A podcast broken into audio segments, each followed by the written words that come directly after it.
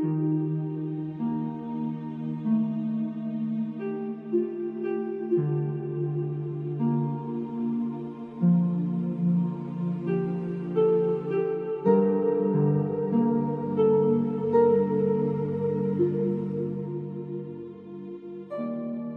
сонсогч таны энэ өдрийн амар амгалан айлтгая. Библийн хуудас радио цаурал хичээлийн маань цоо шинхэн дугаар эхэлж байна. Тэгэхээр өнгөрсөн дугаарт бид харийн нутагт эзэн бурхнаа магтан дуулсан дууллаас хамтдаа сурсан байгаа. Тэгэхээр энэ дэлхий бол бидний төр зур буудлаад өнгөрөх газар. Харин бидний мөнхийн гэр орон бол Тэнгэр улсад байгаа юм аа.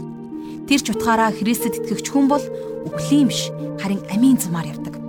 Тэгээд амийн замыг та зөвхөн Христ эзэнтэй л хамт олох болно. Йохан номын 14-р бүлгийн 6-р ишлэлд Есүс би бол зам, үнэн, амь мөн.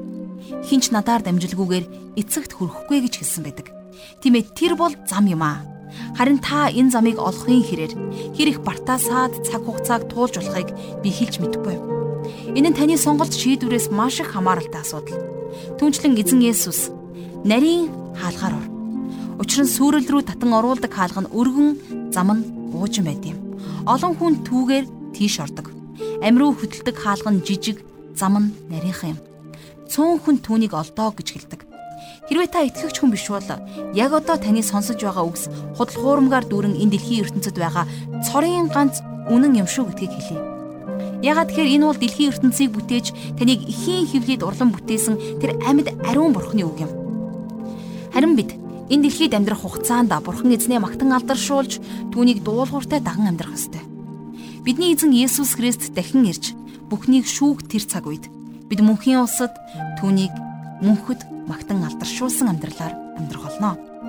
Ингээд өнөөдрийн хичээлдээ бид хамтдаа орцгоё. Өнөөдөр бид дуулал номынхон 138 дугаар бүлгээс 139 дугаар бүлгийг дуустал хамтдаа уншиж судлах гэж байна. Ингээд энэ цагийн эхэнд бурханд хандаж залбирцгаая. Хайр нэгүслэр элбэг баян бурхан аав минь энэ цагт бид таны өмнө ирээд залбирч байна. Та бидэнд өөрийнхөө үгийг илчлэн өгөөч. Та биднийг өөрийнхөө үгээр хөтлөн дагуулж аваа. Бид таныг бүх зүрх сэтгэлээрээ магтан хүндэлдэг. Таны агуу чанаруудыг ойлгон ухаарч, таныг бүх зүрхээрээ дагдаг хүмүүс болохыг хүсэж байна. Та бидний хүсэлтийн дагуу. Та өөрийн сайн тааллынхаа дагуу бидэнд үлдээч гэж гуйж байна. Эзэн минь бид амьдралын хүнд хэцүү үеүүдэд ч гэсэн Бурхан аав танд найдаж, зууран амьдрахыг хүсэж байна. Тиймээс та үгээрээ удирдах, сүнслэг байдлаар биднийг төлөвшүүлээч.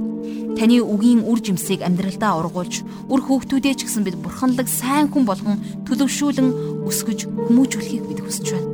Харин та бидэнд тэднийг өсгөн хүмүүжүүлэх мэрэгэн ухаанаар та биднийг дүүргэж өгөөрэй. Энэ цагийг танд даатгаж эзэн Есүсийн нэрээр залбирanгуйч байна. Амен. Ингээд хамтдаа жаргал ах шиг хичээлд анхаарлаа хандуулцгаая.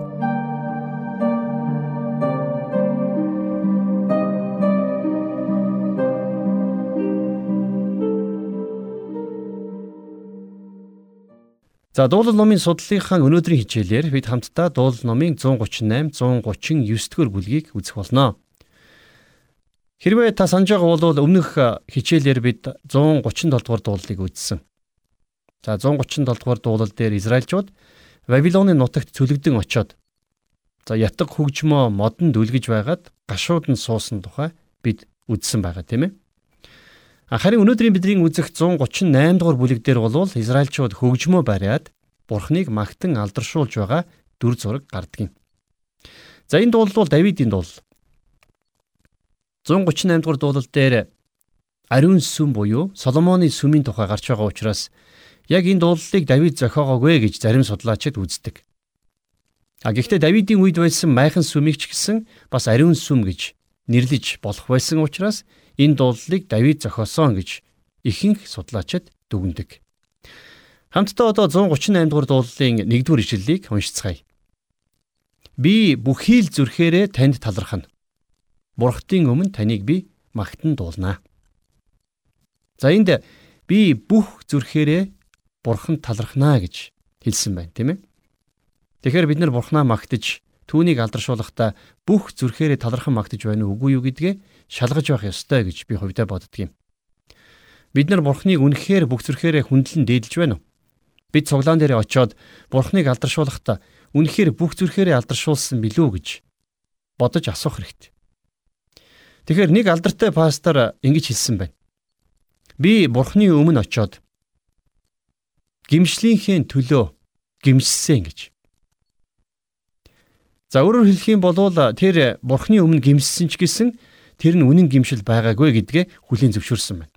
За тийм учраас тэр зүрх сэтгэлээ шалгаад дахин чин сэтгэлээсээ гимссэн гэсэн үг. За тэгвэл энэтэй адилхан заримдаа бид нар цуглаан дээр очиод тодорхой зан үйлдэлүүдийг хийдэгч гэсэн яг үн зүрхээрээ бурханд ханддаггүй тохиолдол байдаг тийм ээ. Заримдаа бид нар нэгдэх өдөр нь зүрх сэтгэлээ шалгаад өмнөх өдөр нь цуглаан дээр бурхныг бүх зүрхээрээ хүндлээгүйхийн төлөө гимшил зохих тийм байдлаар цуглаандаа сууцгаадаг. Та бид нар бурхны өмнө зүрх сэтгэлийн үргэлж шалгадаг байх ёстой. За цааш нь харах юм бол бурхтын өмнө таныг би магтан дуулна гэж бичсэн байна. За энд гарч байгаа бурхад гэдэг үгийг зарим судлаачид тэнгэр элчнэр гэж орчуулсан байдаг. За өөрөөр хэлэх юм бол тэнгэр элчнэрийн өмнө таныг би магтан дуулна гэж тэд нар орчуулсан. А харин зарим нь бол энд гарч байгаа бурхад гэдэг нь худал хуурмаг шүтээнүүдийг хэлж байна гэж тайлбарладаг юм. За би хувьдаа бол яг энэ тайлбартай санал нийлдэг. Таны амьдралд ба штэ Бурхны байр суурийг эзэлж байгаа бүхэн Бурхант хоёрын хооронд хөндлөсөн зогсож байгаа бүхэн таны хувьд бурхан чинь гэж ойлгож болохоор байдаг. За дуул номын 82 дугаар бүлгийн 6 дугаар ишлэлдэр бурхан шүүгч нарыг бурхад гэж нэрлсэн байдаг. Тэгээ яагаад гэвэл тэд бурханы өмнөөс хүмүүсийг шүүж байсан. Тэд нар бол бурханыг төлөөлж газар дэлхий дээр шудраг ёсыг тогтоох ёстой төлөөлөгч нар байсан. Пастор ахлагч нар, номлогч нар ч гэсэн бурханы өмнө хариуцлага хүлээсэн хүмүүсээ гэж би хувьдаа боддог. За би ч гэсэн ялгаагүй. Цаг нь ирэхэд би Бурхны өмнө тайлангаа тавих болно. Яагаад гэвэл сайн мэдээг тодорхой зааж Бурхны үгийг бусдад сургах нь миний хүлээсэн үүрэг. Хэрвээ Бурхны үгийг сурч судалсан хүмүүс нь Бурхны үгийг заахгүй бол өөр хэн заах юм бэ? Мэдээж бид нэр үйлчлэлдээ алдаа гаргах л болно. За бүтлгүүтэн гэсэн үг. Гэхдээ бид Бурхны өмнө очиод Бурхан минь ээ Би өөрийнхөө чадах бүхнээ хийсэн шүү гэж чин сэтгэлээсээ хэлж чадах үз тийм л байдлаар үйлчлэх нь чухлаа гэж би боддог. За тааж надтай санал нийлэх баг.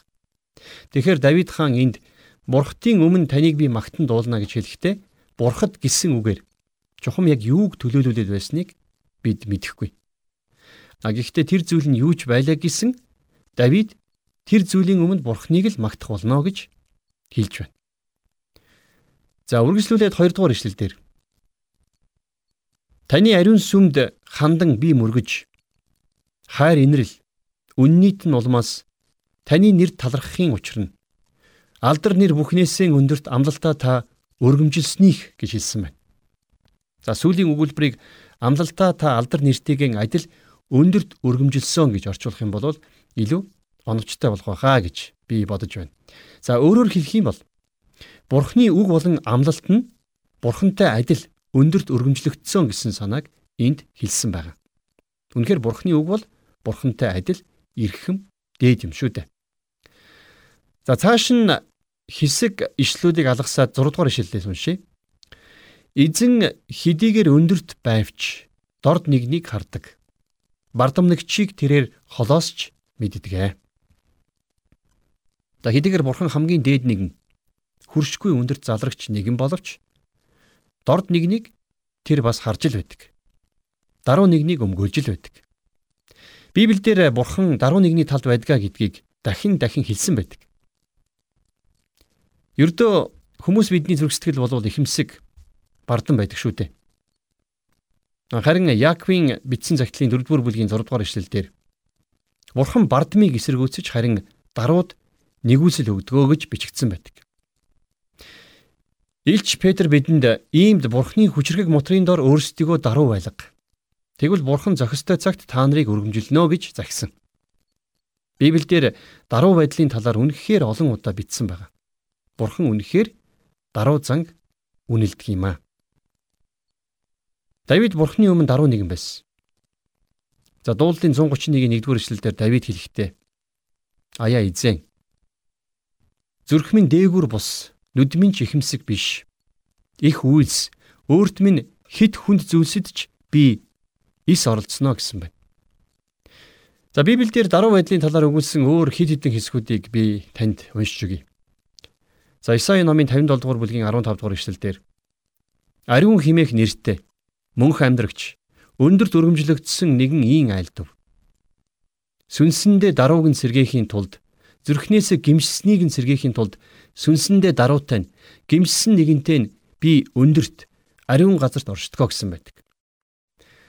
За Петрийн 1-р захидлын 5-ын 5-р ишлэлдэр залуусаа та нар мөн түнчлэн ахлагчдаа захирагд.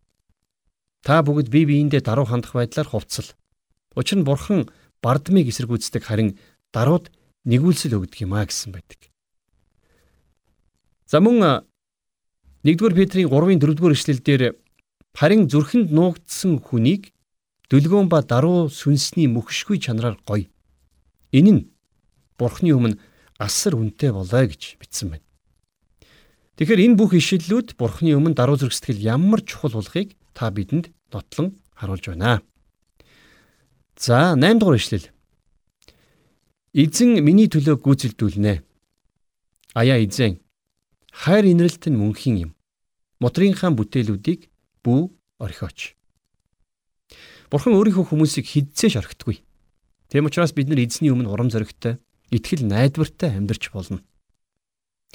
Филиппо хотынд бичсэн цагталтаа Паул та нарт сайн үйлсийг эхлүүлсэн тэрээр үүнийг Христ Есүсийн өдрийг хүртэл төгс болгоно гэдэгт би бат итгэж байна гэж Филиппо 1-р бүлгийн 6-р эшлэлдэр бичсэн байдаг. За ингээд дуулалын 138 дугаар бүлэг өндөрлж байна. За 139 дугаар бүлгийг хамтдаа дэлгэхийн ялдамд энэ Дуулал бол теологийн хувьд их гүн гүнзгий утга санааг агуулсан дуулал юм а.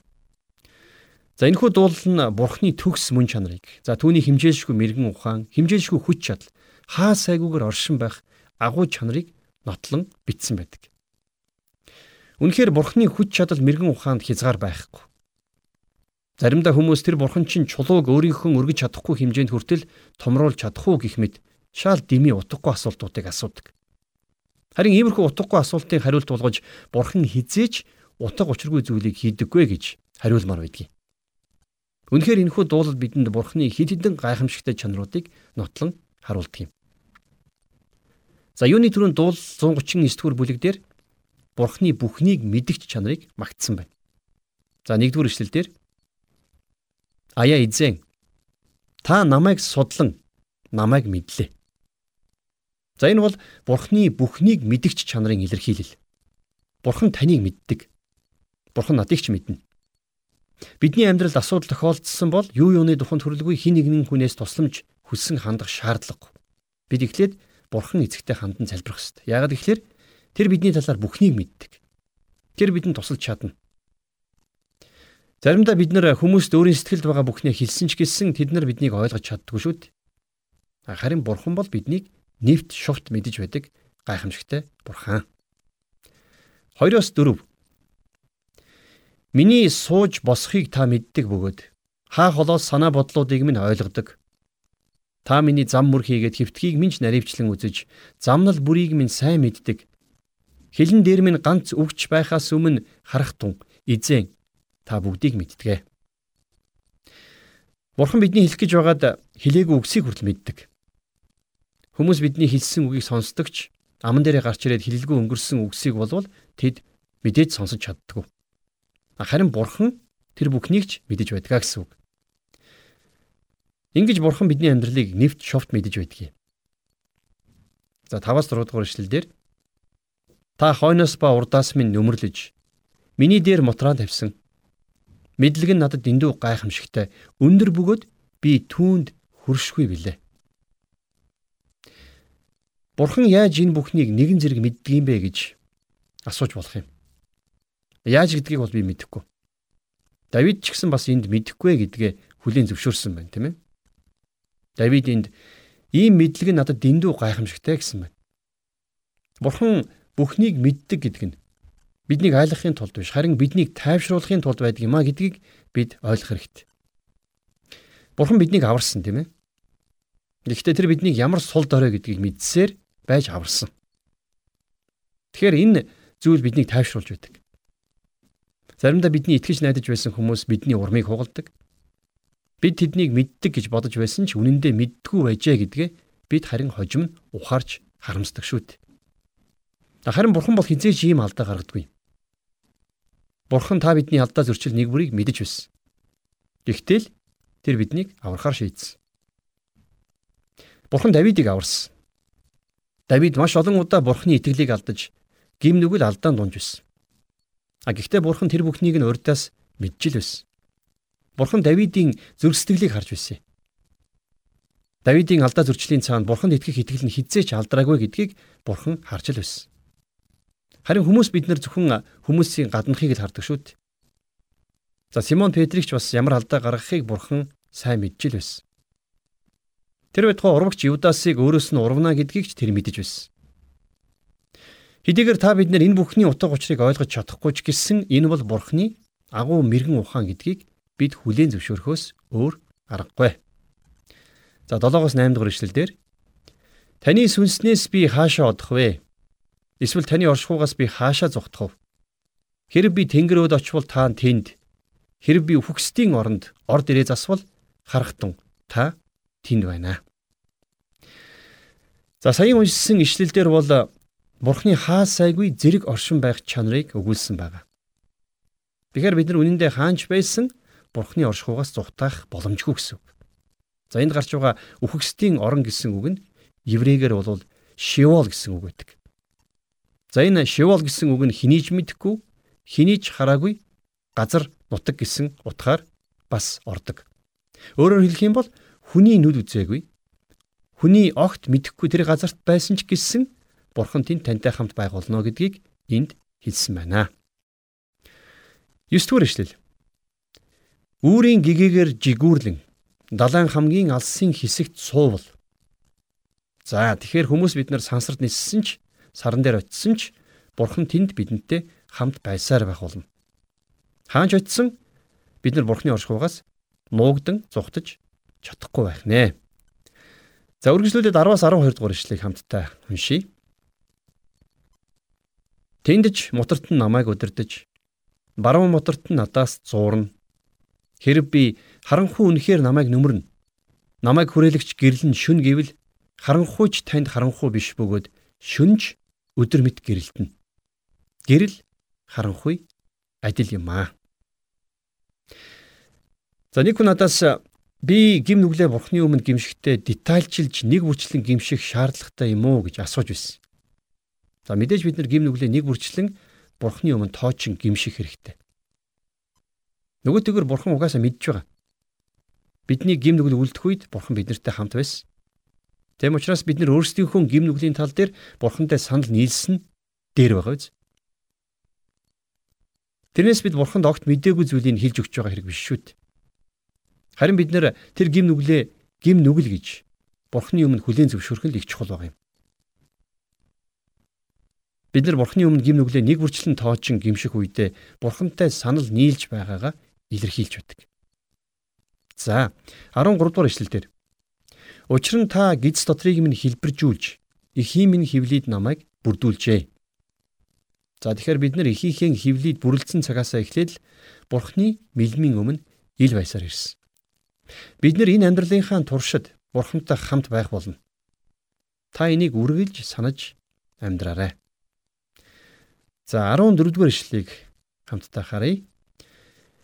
Би аимшигтай болоод гайхамшигтай байгаар бүтээгдсэн тул тань талархлыг өргөнө. Таны үйлс гайхалтай бөгөөд сэтгэл минь сайн мэднэ. За яг энд хэлж байгаачлан хүмүүс бид нар үнэхээр аимшигтай болоод гайхамшигтайгаар бүтээгдсэн. Тийм учраас л бид нэр Бурхны ийм их анхаарал халамжийн дор амьдардаг юм. Биднэрт хандсан Бурхны үйлс бол үнэхээр агуу бас гайхалтай. Тэр бидний гайхамшигтайгаар хайрлсан учраас л өөрийн цорын ганц хүүгээ бидний гим нүглийн төлөө өгсөн шүү дээ.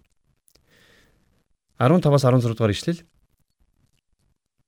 Намайг нууц дотор бүрлдэж газрын гүнд урнаар шаглагдаж байхад ч ясмин танаас нууцлагдаагүй. Төрхөө олоогүй хөврөл байхад минь таны нүд харж л байсан. Надад тогтоогдсон өдрүүд болоогүй байхад бүгд номдт нь бичигдсэн байжээ. За энд байна шүү дээ Давид их чухал нэгэн санааг хэлж байна. Давидын бие махбод ихэнхэн хөвлөд бүрэн бүрлдэж гүйцээгүй байхдаа ч тэр бурхны мэлмийн өмнө амьд бодгаал байсан гэдгээ энд хэлж байна. Өөрөөр хэлэх юм бол үр хөврөл ихэн хөвлөд бүрдэх тэр цагаас эхлэн тэр ургийг бид хүн гэж үзэх ёстой гэдгийг энэ ишлэл давхар баталж байгаа юм.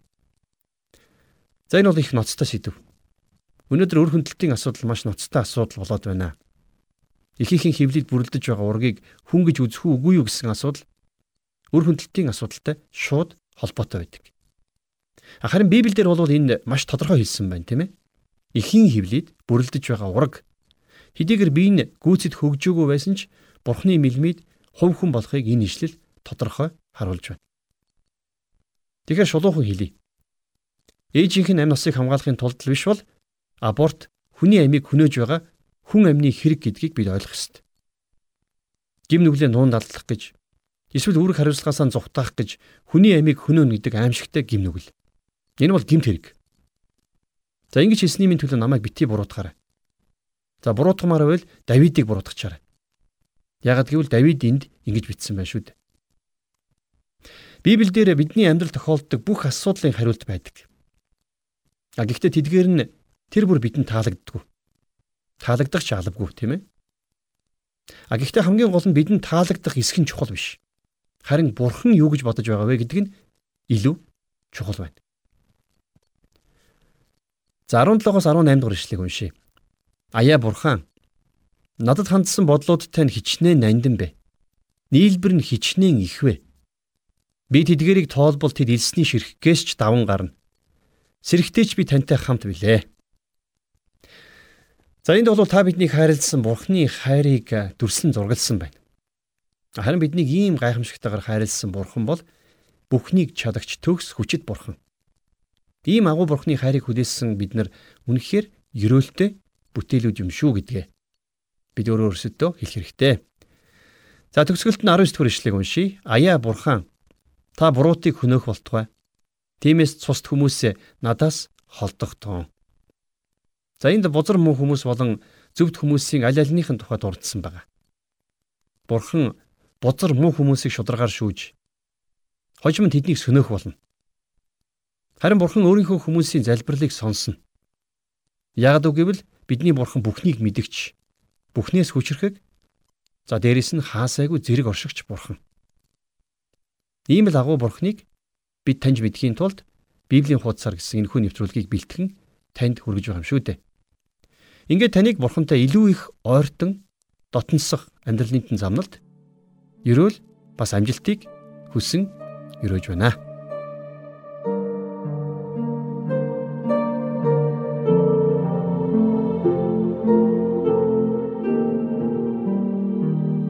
Үнэхээр бид бурханыг магтахдаа бүх зүрхээрээ магтан алдаршуулах ёстой байдаг. Бидний магтаал үнэн зүрхний магтаал байх юм бол тэр магтаалаар бурхан алдаршдаг юм. Харин итгэвч та бурхан эзнээ магтаж түүнийг алдаршуулахдаа бүх зүрхээрээ магтаж чаддгүй. Бурханыг үнэхээр бүх зүрхээрээ хүндлэн дээдэлж байна уу?